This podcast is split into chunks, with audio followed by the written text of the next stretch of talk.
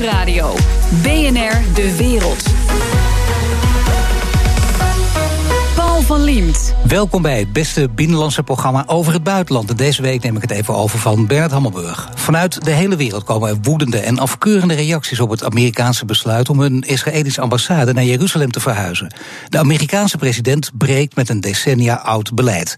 Ik praat erover met Emmert van Middelkoop, oud-minister van Defensie voor de ChristenUnie. Meneer van Middelkoop, welkom. Ja, meneer Van Liemt. Ja, allereerst uw partijgenoot Jo Voordewind, eh, die zei gisteren dat, dat Nederland eh, nu precies hetzelfde moet doen. Is, is dat een verstandig standpunt gezien alle ophef? Ik heb Jo al niet uh, gehoord, uh, maar zo geformuleerd. Uh, zou ik hem niet willen bijvallen. Waarom? omdat ik deze daad van Trump niet erg verstandig vind en contraproductief, om minister Zijlstra nog maar eens te citeren. Uh, overigens, deze beleidswijziging van, of beleidsbevestiging, want het is een oude wens van de Amerikaanse Senaat. Maar goed, deze, deze, dit beleidsstandpunt van, van Trump bevestigt nog maar eens de aloude wijsheid dat uh, alle buitenlandse politiek tenslotte binnenlandse politiek. All, he, all ja. uh, politics is, is local, is een van de bekende uitspraken. Want ik denk dat de belangrijkste drijfveer voor zover Trump, Trump überhaupt te doorgronden is, te maken heeft met de binnenlandse politieke verhouding. Hij wil weer eens een daad stellen. Misschien zelfs wel de euforie, omdat hij een belangrijke belastingwet, zijn eerste triomf uh, erdoor heeft uh, gekregen. Maar hij verwart dan uh, binnenland, binnenlands en buitenlandse politiek. Ja, maar bijna buitenlandse politiek, meneer Van Liemt, is, is, begint er eindigt in het binnenlands. Hier staat, Daar begint het, maar het heeft natuurlijk invloed op het buitenland, zeker voor Israël. Dus dit uiteindelijk tuurlijk, goed, is, dit, is dit goed nieuws voor Israël? Natuurlijk, en, en het is een verantwoordelijk politicus, zal altijd, ook al wordt hij nog zozeer door binnenlandse politieke overwegingen aangestuurd, moeten, moeten bezien, moeten afwegen wat de buitenlandse politieke repercussies zijn. Zeker natuurlijk voor de Amerikanen, die natuurlijk wel een soort systeemverantwoordelijkheid hebben voor deze wereld, of hadden. Ja, ze moeten dus kijken hoe, hoe inderdaad de wereld ja. reageert. In dit geval Israël. Is het goed nieuws voor Israël? Nou ja, in, de, in, het, in termen van symboliek uh, wellicht. Uh, maar ze hebben het niet echt uh, nodig. Het is beter om het te bespreken in termen van het, van het vredesoverleg, voor zover dat nog bestaat. Kijk, als je er een beetje omheen loopt, is een van de wat meer bemoedigende ontwikkelingen. is de, de begin van modernisering uh, in Saudi-Arabië. Saudi-Arabië heeft al een paar keer eerder te kennen gegeven uh, belangstelling te hebben voor het vredesproces. Heeft ook voorstellen gedaan die echt niet zo, niet zo beroerd waren vanuit een Israëlische stand. Maar is nu woedend, althans reageert ja, van dat, dat, moet, dat, dat ook doen. Dat zijn ze verplicht natuurlijk ja. tegenover de moslimwereld. Ik denk dat dat snel wel weer zal, uh, zal betijen. Uh, dus als er weer eens een keer een, een, volgende stap kan worden gemaakt. Nu is alles helemaal bevroren en is het pure machtspolitiek geworden, vooral door Israël. Maar als een keer een beweging komt uh, met internationale steun, dan is die, die ontwikkeling in Saudi-Arabië bemoedigende. Maar dan komt er ook een moment dat Israël misschien impopulaire of vervelende of pijnlijke beslissingen moet nemen. Nou, dat is een moment om daar iets tegenover te stellen. Een beloning of zoiets, zoals Trump nu doet. Hand en broeken, VVD-Kamerlid, hoorde ik eerder in deze uitzending zeggen. Ja, maar als je in buitenlandse politiek een gebaar maakt, iets doet, ja. dan moet er een prijs uh, worden betaald. Of er moet iets tegenover staan. Nou, er is totaal geen sprake van. Dus dit is een beetje ook in strijd van het ABC van elke buitenlandse politiek. Wat gebeurt er nu met Amerika als uh, neutrale onderhandelaar? Hebben ze die rol volledig gespeeld hiermee? Of kan dit ook zomaar overwaaien? Maar ja, neutraal. Uh, kijk, de, we hebben natuurlijk al. Nou ja, in ieder geval een onderhandelaar die ja, wel geaccepteerd werd in die rol. Um, misschien is er nog een opmerking die ik nog niet eerder heb gehoord. Al zeven jaar lang is er een enorme onrust in de moslimwereld, in de Arabische wereld in het bijzonder. Uh, te beginnen in Tunesië, Libië, Syrië enzovoort. Uh, zeven jaar lang heeft er eigenlijk niemand nog over Israël gesproken. Of over het Israëlisch-Palestijnse conflict. Dat heeft Israël ook wel gebruikt onder leiding van de rechtse regering om telkens weer kleine voldongen stappen uh, te maken. Maar goed. Uh, terwijl we vroeger werd er altijd gezegd, zeker aan de politieke linkerzijde, dat als dat, dat conflict zou zijn opgelost, er is een beetje vrede in het hele Midden-Oosten zou uitbreken. Ja. Dat is toch onzin? Uh, wat we nu weer zien, dat is door die daad van Trump weer alle aandacht naar het conflict tussen de Palestijnen en Israël uh, wordt uh, getrokken. Zonder dat er ook maar een begin van een nieuwe beweging richting een oplossing kan worden gemaakt. Maar ja, het is wel ja, belangrijk als, als, als hij, natuurlijk, maar als Trump zo'n opmerking maakt, dan, dan kun je dat of weglachen of je kunt denken, nou misschien hebben we het helemaal niet in de gaten, maar wie weet gaat er een, een hele diepe gedachte achter schuil. Ja, dat moet je nooit voor onmogelijk houden. Maar uh, ja. eerlijk gezegd heeft hij bij mij niet zoveel krediet dat ik daar erg gemakkelijk van, van uit. Uh, nee, maar daarom, daarom. We hebben juist steeds gedacht. Uh, kijk, heeft die ministers daar op Defensie, uh, Mattis op buitenlandse zaken, ja. tillen ze nog steeds. laten we dan maar zeggen, voor het gemak van de gematigde lijn, het zal allemaal wel meevallen. Zie je wel, de checks en balances blijken ook daar te werken. Maar Trump overruled ze enorm. Ja, maar hij heeft natuurlijk zijn, zijn schoonzoon Kushner. Ja. Uh, die van Joodse origine is, uh, die wordt ingezet om het uh, Midden-Oosten-probleem, of het probleem tussen Israël en de Palestijnen op uh, is ook een goede vriend met Saudi-Arabië. En die is een goede vriend met Saudi-Arabië. Dat is sowieso, denk ik, een voorwaarde voor een vredesproces. Dus dat kan helemaal geen kwaad. Wat, wat die man doet, dat weet niemand. want het, het vredesproces, zoals het nu loopt, of niet loopt, of, sta, of stilstaat, dat is allemaal onzichtbaar. Dus dat moeten we nog maar even afwachten. hij kan best wat krediet krijgen, maar voorlopig heeft hij nog heel weinig echt verdient. Maar toch, kijk je, toch kijk je in Europa natuurlijk uh, welke strategie je moet uitstippelen. En dan kijk je wat Amerika doet. En heel lang heb je dan gedacht, nou, die mm. twee uh, gematigde ministers, die lijn zal al worden voortgezet in het buitenlandbeleid. Maar kun je nu zeggen dat daar echt een harde breuk mee is gemaakt? Nee, dat denk ik niet. Um, kijk, Europa, of Europa bestaat eigenlijk nauwelijks uh, daar. maar de Europese landen ja. hebben altijd wel begrepen en ook zo gehandeld. dat de Amerikanen een verantwoordelijkheid uh, op zich uh, op de schouders hebben genomen voor een oplossing in het Midden-Oosten tussen Israël en de Palestijnen. De Amerikanen hadden daar ook de capaciteiten voor, de militaire, de financiële, de economische, de machtsmiddelen, om het in internationale termen te, zeggen. en Europa en de Europese landen volgden in zekere zin. Ik denk dat dat ook niet zoveel verandert. Ook omdat de Europese landen daar weinig tegenover kunnen stellen. Ik denk niet dat ze zich op dat ene punt uh, de Amerikanen zullen volgen, namelijk het verplaatsen van de ambassades weer naar Jeruzalem. Want wat ik tot nu toe in die uitzending ook nog niet heb gehoord, dat is het volgende. Uh, Oost-Jeruzalem is vanaf de Zesdaagse Oorlog, internationaal rechtelijk gesproken, bezet gebied. Ja. Uh, dat, dat, een klein deel van dat bezette gebied, te weten het gedeelte in Jeruzalem, is in 1980 geannexeerd. Is dus gewoon normaal Israëlisch gebied gemaakt. Dat is in strijd met alle elementaire regels van het volkenrecht. En wat uh, Rusland heeft gedaan in de Krim, dat, dat, dat mag niet. En dat mocht daar ook niet. Dat is toen aanleiding geweest uh, voor de landen die een ambassade hadden in, in Jeruzalem, om die ambassade te verplaatsen naar uh, Tel Aviv. Ook de Nederlandse ambassade is toen verplaatst naar uh, Tel Aviv. Waarom? Omdat wij niet wilden dat wij zouden erkennen dat uh, Jeruzalem, uh, dat, dat bezette gebied, uh, Israëlisch gebied en dat moeten we handhaven, dat vindt u dus nou ja, Nee, maar dat, het, het, het uitonderhandelen van, van die schending van het internationale recht, want dat is het. En ik ben bereid om daar een heleboel termen van begrip voor op te brengen. Daar gaat het even niet over. Ja, dat moet wel aan een onderhandelingstafel tot een oplossing worden gebracht. Niet door het stellen van daden van de sterkste. En dat is natuurlijk evident Israël. Tillerson, die uh, toerde deze week, of toerde deze week nog steeds door Europa. De bondgenoten wil hij aanhalen met, met de Europese partners. Maar ja, iedereen weet ook, uh, over zijn ontslag wordt enorm gespeculeerd. Ook al wordt door Trump nog steeds als nepnieuws uh, betiteld. hoe moet je omgaan met een minister die, die mogelijk binnen korte tijd zou worden vervangen? U kunt zich misschien een beetje in die rol verplaatsen. die moet je gewoon volgens het protocol moet je die ontvangen. Ja, nee, als je een beetje. Gewoon een stukje spelen en dan. Uh... nou, dat niet helemaal. Oh, nee. uh, het blijft hoe dan ook. Het blijft de, Amerikaanse minister van Buitenlandse Zaken. En je moet ook altijd rekening houden met de mogelijkheid dat hij het toch weer een aantal jaren uh, volhoudt. Ja, ja serieus? Moet, je er echt serieus rekening ja, maar je kunt, je kunt niet andersom doen. Je kunt hem maar niet ontvangen als waarheid dat hij al met één been in het politieke graf staat. Nou, Stoltenberg Alleen, deed dat wel, hè, secretaris-generaal van de NAVO. Die, die zei ik spreek me volle vertrouwen uit. Dat deed hij met nadruk en Tillerson. Ja, dat zie je ook vaak bij voetbaltrainers onder druk ja, staan. Ja, dat is diplomatie, ja. ja, ja. En, en dan, dat worden, dan worden ze de volgende dag ontslagen, die voetbaltrainers. Hebt u daar even aan moeten wennen in uw rol destijds? Of ging u dat vanzelf gemakkelijk af, die, die diplomatieke houding? Ja, maar uh, in, in, in mijn tijd uh, was Nederland behoorlijk, uh, behoorlijk internationaal aan de weg. Ja omdat wij toch een enorme prestatie, of wij, de Nederlandse krijgsmacht, leven in Afghanistan. En dat merk je. Ik denk dat ik de enige minister van Defensie ben geweest, ja, als je toch over mijn verleden begint. Die bijvoorbeeld eh, door de minister van Buitenlandse Zaken, dus even de voorgangers van Tillerson, Condoleezza Rice, is ontvangen. Normaal kom je alleen op het Pentagon als minister van Defensie. Het had te maken met de status van Nederland en ook met het belang wat de Amerikanen hechten aan onze voortgezette presentie. Maar we kwamen hier op vanwege die ja, diplomatie. Over. Nee, zeker, nee, zeker, dat heeft u gelijk. Ik heb veel verleden.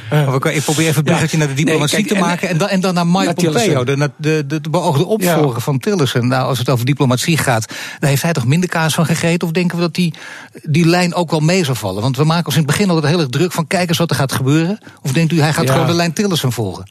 Wat je natuurlijk uh, algemeen gesproken, wat je natuurlijk uh, ziet, is dat wanneer mensen met uh, een rabiate uitspraak in het verleden in een bepaald ambt terechtkomen, dan langzaam daalt dat ambt in hun persoonlijkheid.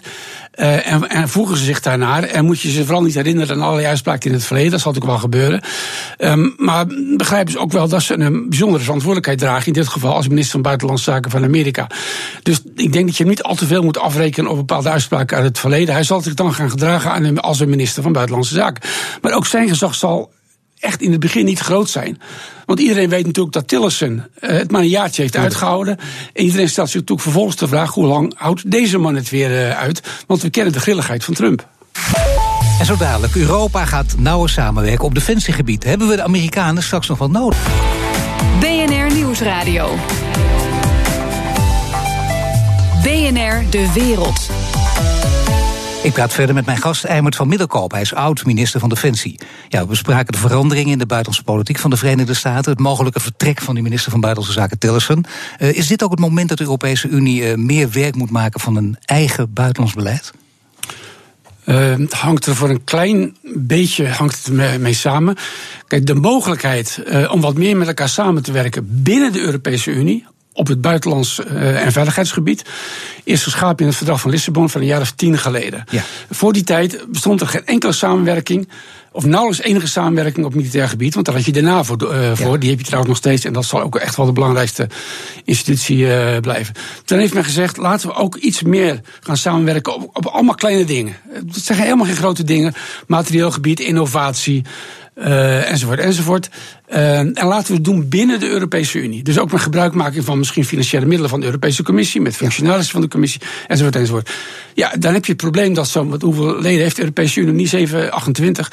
Ja, dat natuurlijk juist op het buitenlands politiek of op het defensiegebied niet iedereen dezelfde wens heeft. En heeft men gezegd, nou, laten we dan binnen de Unie die landen die mee willen doen, met elkaar in een soort combine brengen. En dat noemen we permanente gestructureerde samenwerking.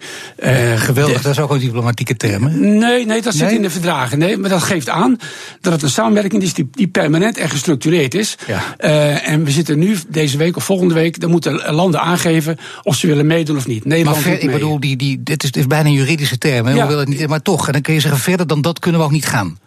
Natuurlijk kan je veel verder gaan. Je maar, kunt, maar is, het ook, is het ook denkbaar? Het is niet realistisch. Nee. Uh, het aardige is dat de Nederlandse regering, uh, het kabinet in zijn toelichting bij het besluit om toe te treden tot deze permanente gestructureerde samenwerking. Ja, ja. spijt me van het Brusselse ja, jargon is dat. Ja, uh, en nog eventjes veiligheidshalve, zekerheidshalve bijschrijft dat, dit, dat de nationale soevereiniteit of de nationale bevoegdheid om militairen uit te zenden natuurlijk een nationale blijft. Uh, dat is helemaal niet aan de orde. Maar laten we niet vergeten, de Europese Unie is behoorlijk actief op militair gebied, vooral in Afrika. Daar kom je nooit in NAVO tegen, behalve bij Somalië en de kust.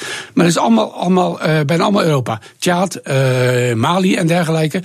Uh, dat zijn vaak civiel-militaire missies. Nou, dat zijn capaciteiten die de Europese Unie heeft. Vooral bijvoorbeeld heel veel civiele kennis, kennis van Afrika en ook veel geld, waar de NAVO gebrek aan heeft. Nou, laat dat nou in Europa over. Het is eigenlijk een praktijk die al zo is ontstaan.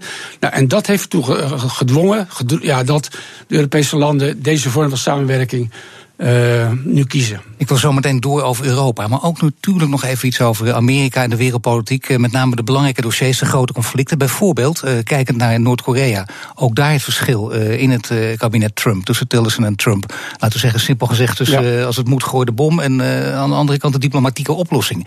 Is, is dat denkbaar dat dit echt escaleert tot een heel groot conflict? Of maken mensen zich daar ook veel te druk over? Nou, dat, daar mag je je best druk over maken, omdat. Kijk, je weet als gewone krantenlezer of BNR-luisteraar ook vaak natuurlijk bij lange na niet wat er zich allemaal in de ingewanden van de macht uh, afspeelt. Uh, maar als ik, als, ik, als ik kijk naar de uitlatingen, als ik kijk naar de politieke retoriek die altijd dat soort zaken begeleidt, ja, dan is er meer dan in het verleden reden om je uh, zorgen te maken. Overigens van beide kanten. Hè. Over Korea bijvoorbeeld, de Koreaanse kant en de Amerikaanse kant. Over zo'n onderwerp. Iran misschien iets minder. Ik heb ooit eerder voor deze uh, microfoon drie kwart jaar geleden gezegd dat ik niet onmiddellijk uh, verwacht dat uh, Trump uh, het akkoord met Iran zal opzeggen, omdat hij daar niks beters voor in de plaats kan, kan stellen. En dat is op heden ook niet gebeurd, dus misschien mag ik nog even een keer me gelijk halen hier. Uh, jazeker. maar over drie kwart jaar weer. Maar, maar onthoud het wel. Ja, ja, onthoud het maar. Zeker.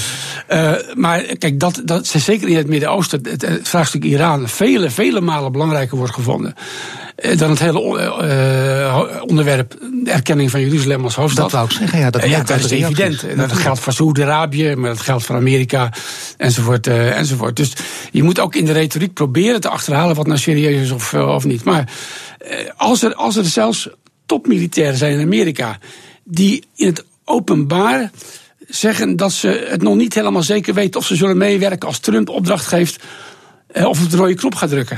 Er is een ja. procedure voor.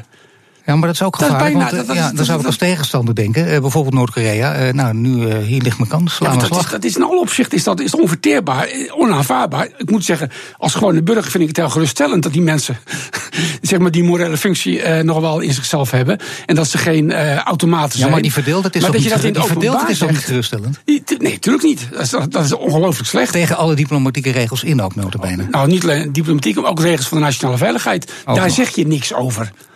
Maar laten we naar Europa teruggaan en uh, kijken naar de Europese samenwerking op het gebied van defensie. Die heeft een naam, uh, PESCO. Is dat de manier om Europa los te maken van de Amerikanen en dan uiteindelijk de NAVO ook te versterken? Nee.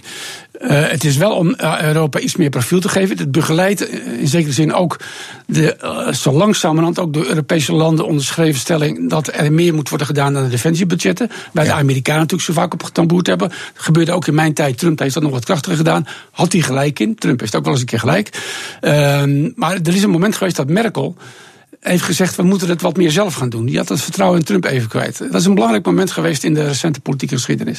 En je ziet nu dat er ook langzamerhand wat meer buitenlands beleid eh, vanuit de Europese Unie uh, komt. En daar past en ontwikkeling van samenwerking op defensiegebied past daarbij. Maar, maar weet je wat lastig is als het gaat over die samenwerking? Dan gaat het ook over bijvoorbeeld wapens kopen. En dan moet ik altijd heel lachen als ik die stukken lees. Want de Fransen, goed idee samenwerking, maar dan moeten we allemaal wel Rafale-straaljagers kopen. Franse makelij. De Zweden, allemaal Saabs gaan kopen. Ja. Dus daar zal het dan eigenlijk toch op uh, kapot gaan. En alle, alle Nederlandse luchtmachtofficieren willen alleen maar Amerikaanse waren uh, kopen. Nog.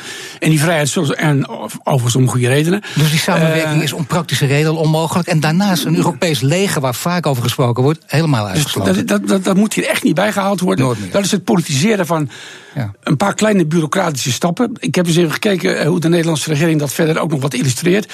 Uh, een van de dingen die ze noemen uh, het meer op elkaar afstemmen van medische capaciteit. Ik kan me iets bij voorstellen dat je militaire hospitalen hebt nou, die wat misschien wat op elkaar afgesteld zijn. Dat wanneer een Franse arts in Mali in een Nederlands hospitaal, wat ook helemaal geen academische situatie is, terechtkomt.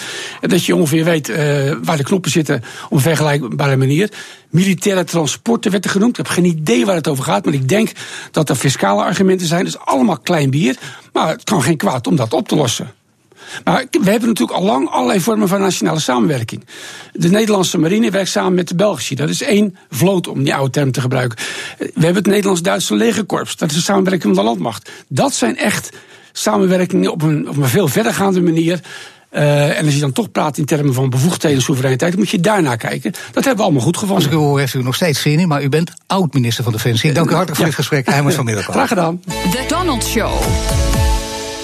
En is het tijd voor de United States of Trump met Amerika-woordje Jan Posma. Jan, we hadden het net al over Trump en over Israël. Uh, zijn mededeling zorgde voor veel onrust om de inhoud, maar ook om hoe hij het zei. Let us rethink old assumptions and open our hearts and minds to defeat radicalism that threatens the hopes and dreams. The leaders of the region, political and religious, thank you. God bless you. God bless Israel. God bless the Palestinians, and God bless the United States. Thank you very much. Ja, daar was je me toch even voor. Ik wilde het nog even introduceren. Uh, had je uh, een idee wat hier, wat hier gebeurde? Of uh, zou ik nou, dat nog even een beetje idee, uitleggen? Maar ik denk, ja zeker. Als je in de auto zit, dan denk je, waar ging het over? nou ja, daarom. Voor die mensen dan. hij klinkt dus een beetje alsof hij naar de tandarts is geweest. Hij heeft een soort slush, heeft hij eigenlijk een beetje ontwikkeld. En dat was dus wat, wat eigenlijk... het is natuurlijk een hele nou, een, een, een, een mededeling met grote gevolgen, zullen we maar zeggen. Maar dit is dan waar het op Twitter en op de Amerikaanse nieuws shows heel veel over ging. En hoe kan het dat hij ineens een spraakgebrek heeft? Ja, nou, ik dacht nog dat dus de tandarts of zo. Maar uh, uh, ja, je weet het eigenlijk natuurlijk niet. Uh, maar de Daily Show die had een, een betere verklaring. Die zeggen, Trump heeft misschien wel een kunstgebit. dat, dat dat dan even loskomt en dan praat hij wat moeilijk. Nou, dat zou zomaar kunnen. En volgens Trevor Noah van de Daily Show moet je daar vooral niet over twitteren. Can you imagine how he would feel if people started tweeting Denture Donald? He would be like, don't do it, don't do it. I'm just saying, can you imagine how you'd feel? But don't do it. Don't do it, guys. He's very sensitive. Oké. Okay. Sensitief. Ja, en uh, je begrijpt het al. Denture Donald, dat werd natuurlijk trending topic. En wat ik ook nog wel een mooie vond, een uh, grappige uh, tweet van Stephen Colbert. Die zegt: Ik ben vooral dat Trump Jeruzalem niet Amerika's hoofdstad heeft gemaakt. Dan had hij eindelijk kunnen zeggen dat die muur er is. Nou, is er ook veel te doen om Michael Flynn en het FBI-onderzoek naar Trump? Ja, uh, Flynn die werkt mee hè, met de, de, FBI. Hij onderhandelde al met de Russen terwijl Obama nog president was. En dat mag niet volgens de Logan Act. Dan zit er nog een president en die is dan de baas. Nou, Stephen Colbert die legt nog even uit hoe dat zit. And you're not supposed to make policy until you're the people in office. We only have one president at a time. Back then it was Obama. Now it's Vladimir Putin.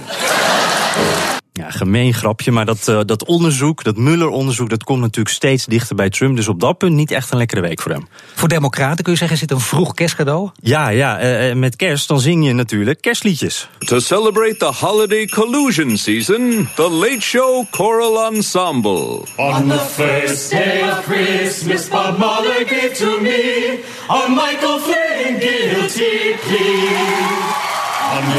Ja, je hoort het. Eh, Bob Muller uh, gaf me een Michael Flynn schuldbekentenis. Dat is dan de, de tekst bij het kerstliedje. Ik zag je een beetje meeswingen. Ben je mee, meer ja, van leuk, de koren? Of, of uh, zou je Bruce Springsteen bijvoorbeeld ook nog wel kunnen waarderen? Nou, geef mij maar Bruce Springsteen. Nou, dat is mooi. Goeie want, ja, helemaal goed. Want anders hadden we nu moeten stoppen. Jimmy Fallon, die kan heel goed Bruce Springsteen nadoen. En rond kerst dan hoor je altijd dat ja, ik vind het echt het slechtste lied van Springsteen wat hij ooit gedaan heeft. Santa Claus is Coming to Town. Uh, maar Jij vindt hem wel lekker? lekker? Toch wel? Ja, nou goed, die gaan we krijgen. Uh, Kimmel doet hem wel eventjes heel goed na hier. En bij hem wordt het Bob Muller is coming to town. Ga even genieten. Ja,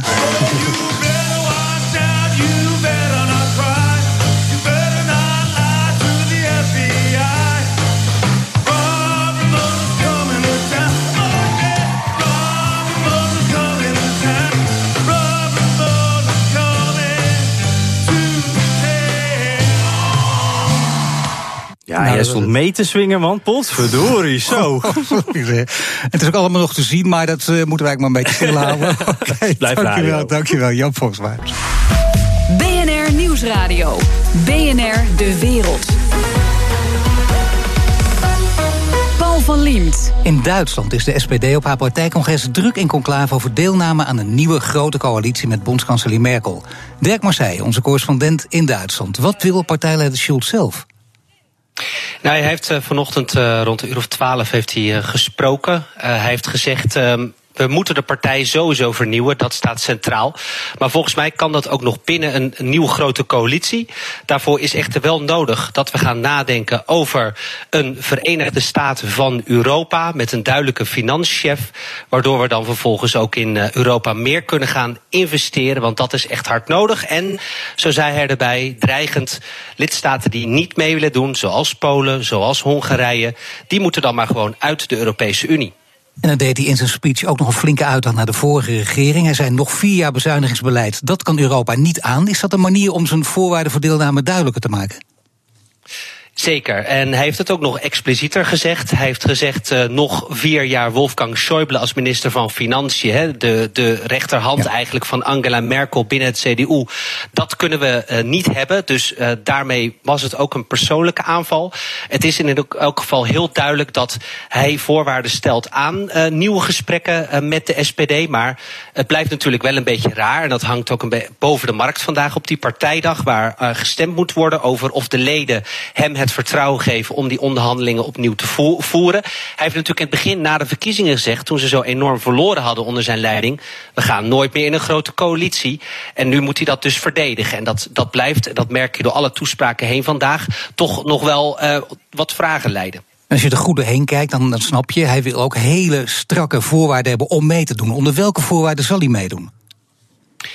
Nou ja, wat tot nu toe is, is uitgelekt aan verlanglijstje. Maar je moet afwachten of dat het hele verlanglijstje is. Omdat er eigenlijk nooit precies duidelijk was tot deze stemming vandaag. Uh, of ze ook serieus aan die onderhandelingen, aan die formatiebesprekingen gingen beginnen met, met Angela Merkel. En dan gaat het bijvoorbeeld over uh, meer loon voor de laagst betaalde. Het gaat om hogere pensioenen voor de mensen met alleen een AOW'tje in Duitsland. die onder de armoedegrens uh, wonen. En het gaat, waar we het al over hadden, over meer investeringen in uh, de landen, zodat uh, er ook weer meer werkgelegenheid gaat komen. Ja, en wat je ook zei, natuurlijk heel belangrijk wat de rest van de partij vindt. Is het bekend uh, hoe de rest van de partij erover denkt?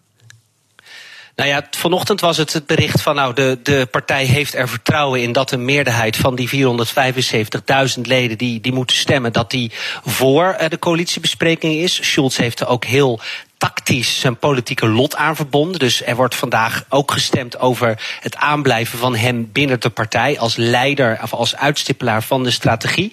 Uh, maar de stemming moet nog uh, gebeuren. We kijken op dit moment nog steeds naar toespraken in Berlijn in een, uh, in een heel groot event.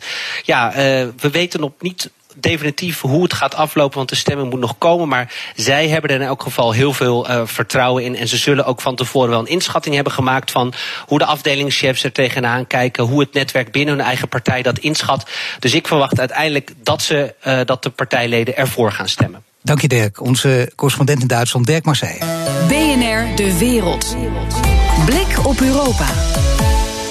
De Brexit-onderhandelingen hebben het punt bereikt waarop het lijkt alsof er een nieuwe paus gekozen moet worden. So far, no white smoke. En dat was de woordvoerder van de Europese Commissie enkele uren geleden. En als het iets duidelijk maakt, is het wel dat Europa vol verwachting, maar ook met angst en beven kijkt naar hoe de Britse premier Theresa May de boel probeert te redden. Europa-verslaggever Jesse Pinster. Jesse, draait nu allemaal om een Noord-Ierse politieke partij die weigert akkoord te gaan met de plannen voor de Ierse grens. Uh, beginnen er al barstjes te komen in dit verzet? Nee, totaal niet. Die uh, weigeren mee te werken. Dan gaat het dus om de DUP, de Democratic Unionist Party. Nog even, waar draait het nu precies om? Er moet een akkoord liggen over de scheiding. Excuus.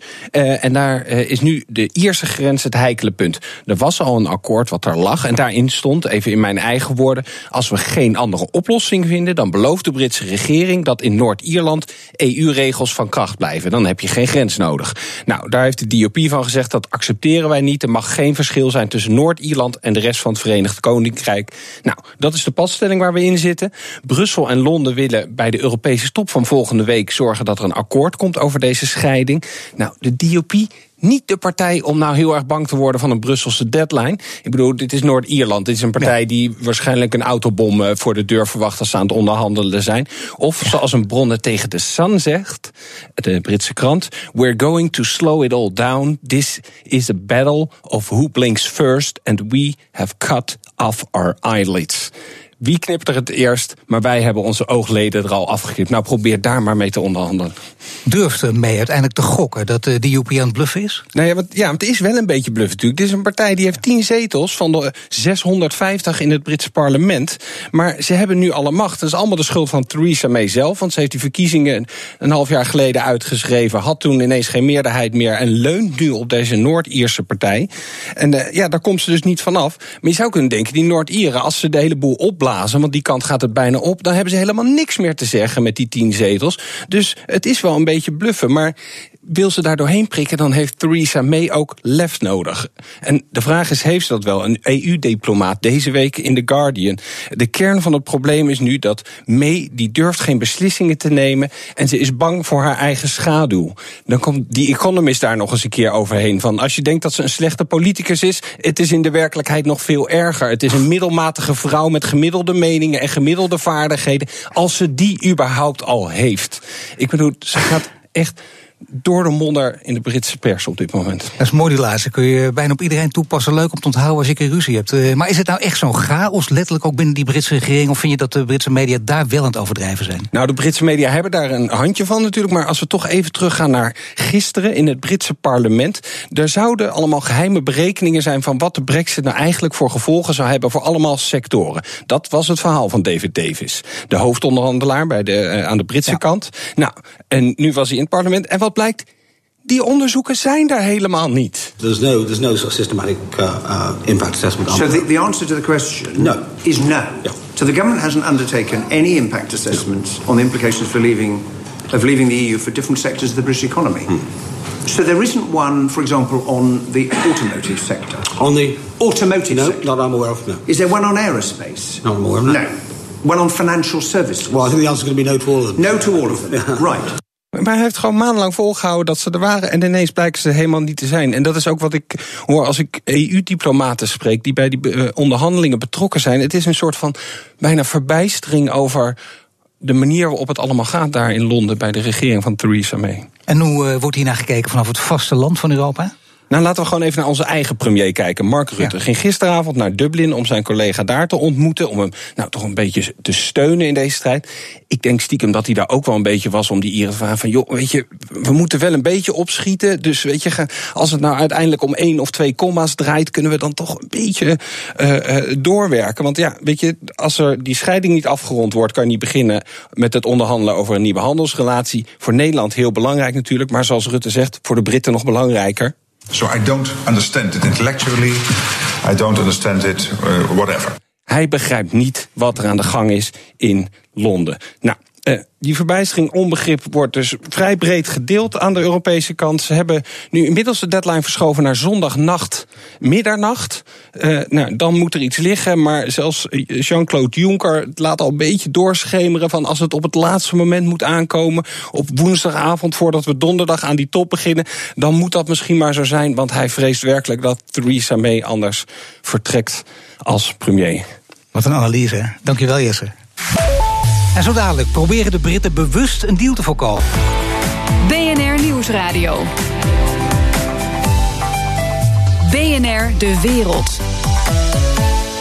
Dan is het tijd voor de kwestie met vandaag de Brexit. Na het mislukken van de deal over de scheiding lijken de gesprekken over de toekomstige relatie met de EU ver weg. Tot grote zorg van de EU. Maar is dit stiekem niet precies wat de Britten willen? Ik praat erover met Rem Korteweg. Hij is hoofdonderzoeker bij de Europese afdeling van instituut Klingendaal. Uh, ja, Rem, je hoorde net Jesse, onze Europa-verslaggever, uh, deze week nog samenvatten. Hoe verklaar je dat allereerst die wrijving bestaat tussen gedoogpartner de DOP en May? Um, ja, ik kan het niet anders omschrijven dan een bepaalde mate van politieke incompetentie. Het is, het is toch wel behoorlijk stuitend dat um, de conservatieven afhankelijk zijn voor hun meerderheid in het parlement van weliswaar een zeer kleine splinterpartij, die eigenlijk tot nog toe niemand echt serieus nam. Maar dat ze gewoon niet in de loop zijn gehouden. Dus deze kwestie over de Noord-Ierse grens. Dat is het standpunt waar deze partij zich hard voor wil maken. Vijf weken geleden hebben ze gevraagd waar uh, um, uh, Theresa May aan zit te denken om dat op tafel te leggen. En vijf weken lang hebben ze geen antwoord gekregen. En dan op twee minuten voor twaalf, op het moment dat Juncker en May bij elkaar zitten om eigenlijk een handtekening te zetten onder het akkoord, het belangrijkste moment in de Brexit-onderhandelingen tot nu toe, om van fase 1 naar fase 2 te gaan, van de echtscheiding naar de, die belangrijke handelsbesprekingen. Ja, komen ze daarachter en zegt de DUP terecht van ja, ho, ho zo, zo, zo snel gaat het niet. Ik bedoel, dat is toch, ja, het is, het is, um, het is uniek in zijn, in zijn bijna zijn politiek amateurisme. Ik vind het, uh, ik, ik, ik verbaas me er nog steeds over. Ja, nee, dat is bij het zoeken naar grote woorden, dat snap ik ook. Want uh, je was deze week in Brussel, juist op dat moment, hè, toen die scheidingsdeal toch niet doorging. Ja. En kun je de reacties uh, daarvan nou, ons beschrijven? Ik, ik was maandagochtend was ik in Brussel, met mensen gesproken en er heerste wel echt waar een soort optimistische stemming. Want er werd gezegd van nou, over het afgelopen weekend hebben de Britten toch wel een aantal stappen gemaakt. Ze, ze, um, uh, zoals je misschien nog herinnert, er waren eigenlijk drie kwesties waarop uh, uh, een akkoord bereikt moet worden om naar die handelsbesprekingen toe te gaan. Dat is op de uh, rechten van EU-burgers in het VK. Na de Brexit de eindafrekening, dus de financiële verplichtingen en de Ierse kwestie. En er werd gezegd op al die drie die dossiers hadden de Britten de afgelopen dagen enorme stappen gemaakt. Dus er heerste een soort ja, opluchting van hè, nou, we kunnen die stap gaan maken. En gaandeweg de dag zag je de gezichten een beetje vertrekken. Toen duidelijk werd dat, uh, dat de DUP-leider, uh, leidster, dat zij uh, Theresa May uit die lunch met Juncker gebeld had. En dat het helemaal, dat het akkoord van tafel was.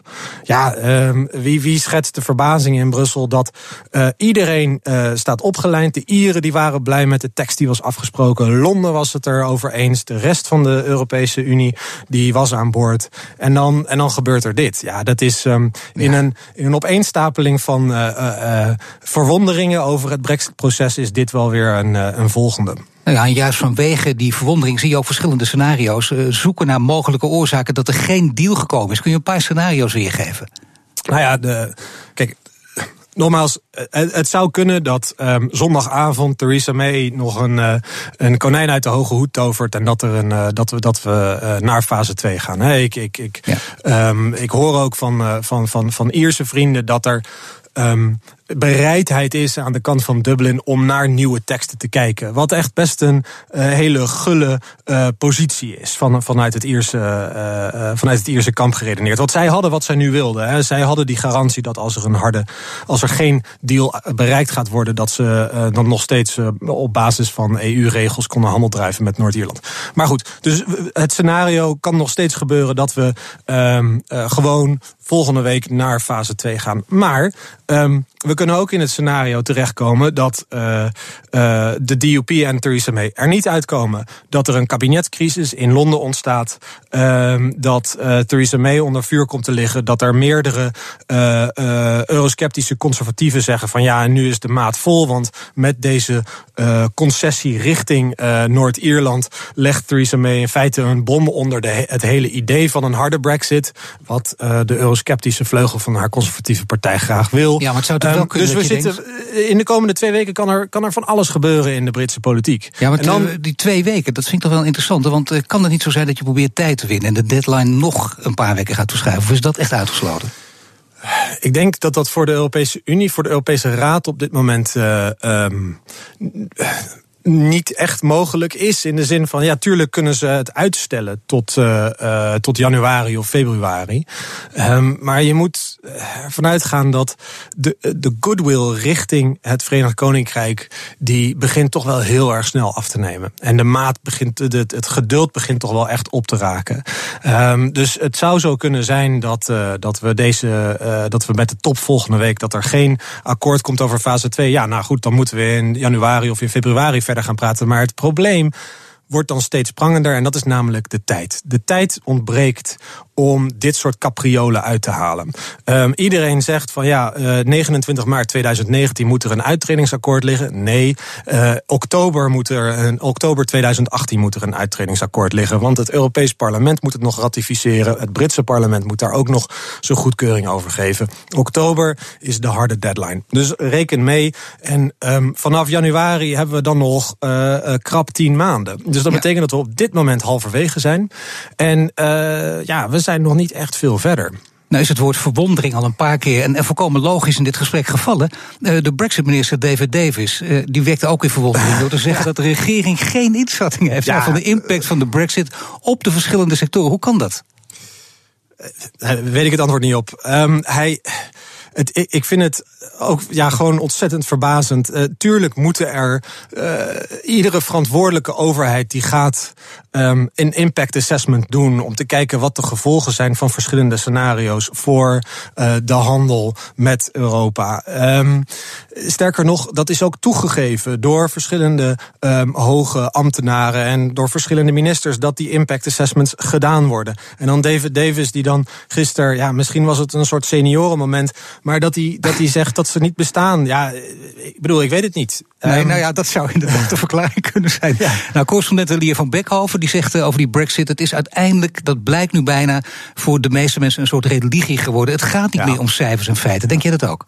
Nou, er zit absoluut in de uh, rechtervleugel van de conservatieve partij van Theresa May, de, de eurosceptische vleugel, zitten er absoluut een aantal Brexit-theologen. Dus mensen die gewoon kosten wat het kost, wegvillen van wat zij noemen het juk van Europa. En uh, dat zijn degenen die de afgelopen twee, tweeënhalf jaar, zo niet langer, eigenlijk met de opkomst van UKIP zijn zij steeds mondiger geworden. Dus dat, dan praat je echt al over een aantal jaar. Dat zijn degenen die de toon bepalen van de discussie over Europa. Uh, dus de hele gematigde vleugel van de conservatieve partij, die, die doet er niet toe. Het zijn de mensen als Liam Fox, als Boris Johnson, die zich erbij heeft aangesloten. Bernard Jenkins, John Redwood, Jacob Rees-Mogg. Dit zijn de namen die op dit moment de koers bepalen in het politieke debat. Um, en dat is wel een probleem, want dit zijn niet de mensen die met uh, um, ja, de realiteit uh, van het handeldrijven binnen de interne markt te maken hebben, of die dat niet willen accepteren.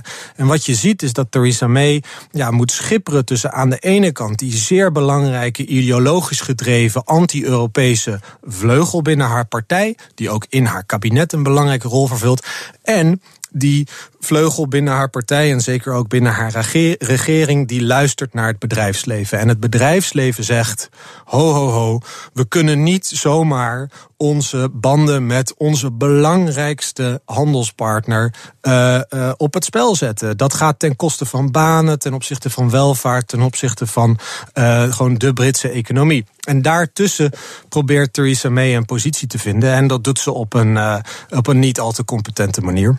Nee, en uh, aan de andere kant dus uh, het idee alsof we apocalyptische tijden uh, gaan naderen. Als het allemaal niet doorgaat, wordt daarmee de brexit ook niet ja, uit totale proportie getrokken?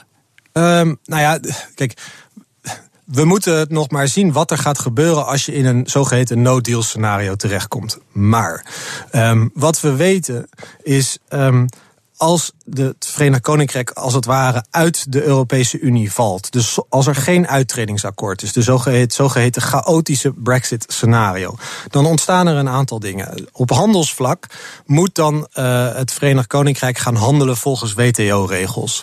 En de Britten en zeker de Britse uh, Brexit-ideologen die zeggen van joh, dat is prima. Geef ons maar die WTO-regels.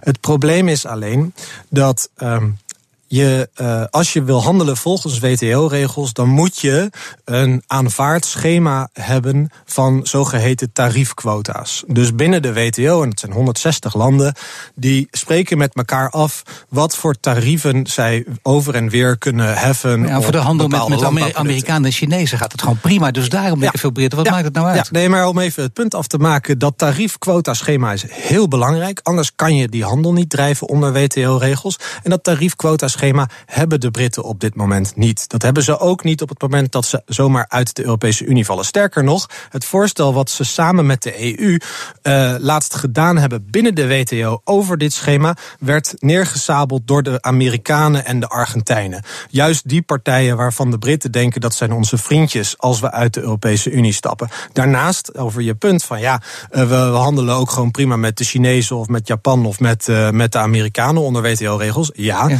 maar handel drijf je toch vooral met je naaste buren. 50% van de, van de Britse export die gaat naar de Europese Unie. Er is nu een kans om een handelsakkoord uit te onderhandelen met de Europese Unie. En als ze dat te grabbel willen gooien en zeggen van ja, nee, prima, geef ons maar die, uh, die, die, die tariefmuren.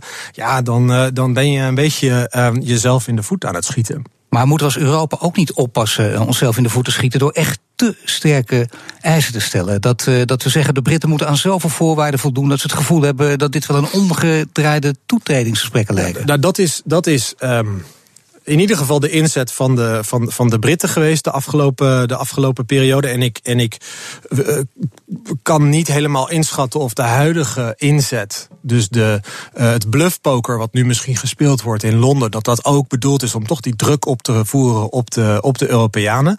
Um, maar Europa heeft, die 27, die hebben een heel duidelijk, heel helder, transparant onderhandelingsproces uh, waarin ze zeggen van nee, we gaan eerst praten over die echtscheiding en als dat geregeld is, gaan wij over die handelsfase praten. De Britten die willen dat niet.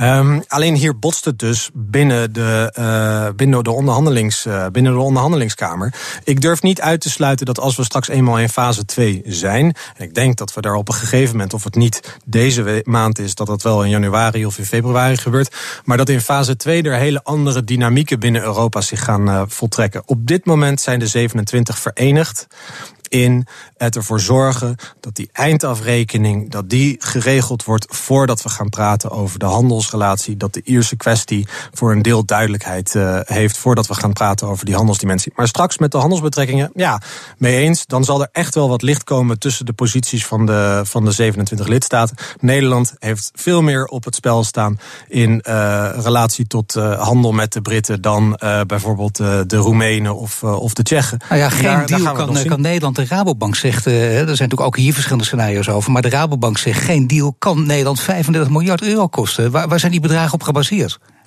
Ja, dat zijn. Um, nou ja, allereerst, dat zal je aan de Rabobank zelf moeten vragen hoe ze op die cijfers zijn gekomen. Maar dat zijn natuurlijk allemaal projecties, projecties en, en e-, econom, econometrische modellen die, uh, die ze erop losgelaten hebben. Als het gaat over bijvoorbeeld um, um, ja, uh, de, de, de, de effecten van, een, uh, van, van verschillende handelsbarrières.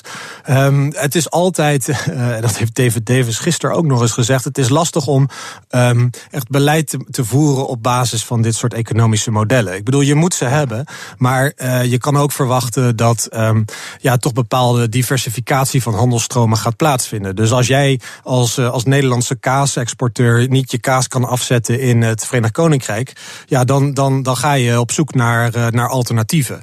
Um, alleen wat ik constateer is dat op dit moment. En uh, gisteren was dan misschien de, uh, een eerste stap in de juiste richting. Um, heeft de overheid er niet heel veel aandacht aan besteed om exporteurs en, en uh, het Nederlandse bedrijfsleven ervan ja. doordringen dat we mogelijkerwijs in zo'n no-deal chaotisch scenario terechtkomen. En het ja. lijkt mij op dit moment belangrijk dat bedrijven zich achter de oren krabben en zeggen van ja, stel nou dat we in zo'n fase in zo'n situatie terechtkomen dat bijvoorbeeld Nederlandse vissers geen toegang ja. hebben tot Britse wateren. Waar gaan zij dan hun vis halen?